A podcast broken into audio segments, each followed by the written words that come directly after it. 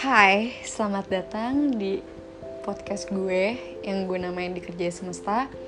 Kenapa? Karena menurut gue banyak banget cerita, pengalaman, bahkan kisah yang ternyata kita itu dikerjai oleh semesta. Di sini gue merasa kita itu kayak bintang pas malam. uh, kita bisa redup, bersinar, jatuh hingga berkelip.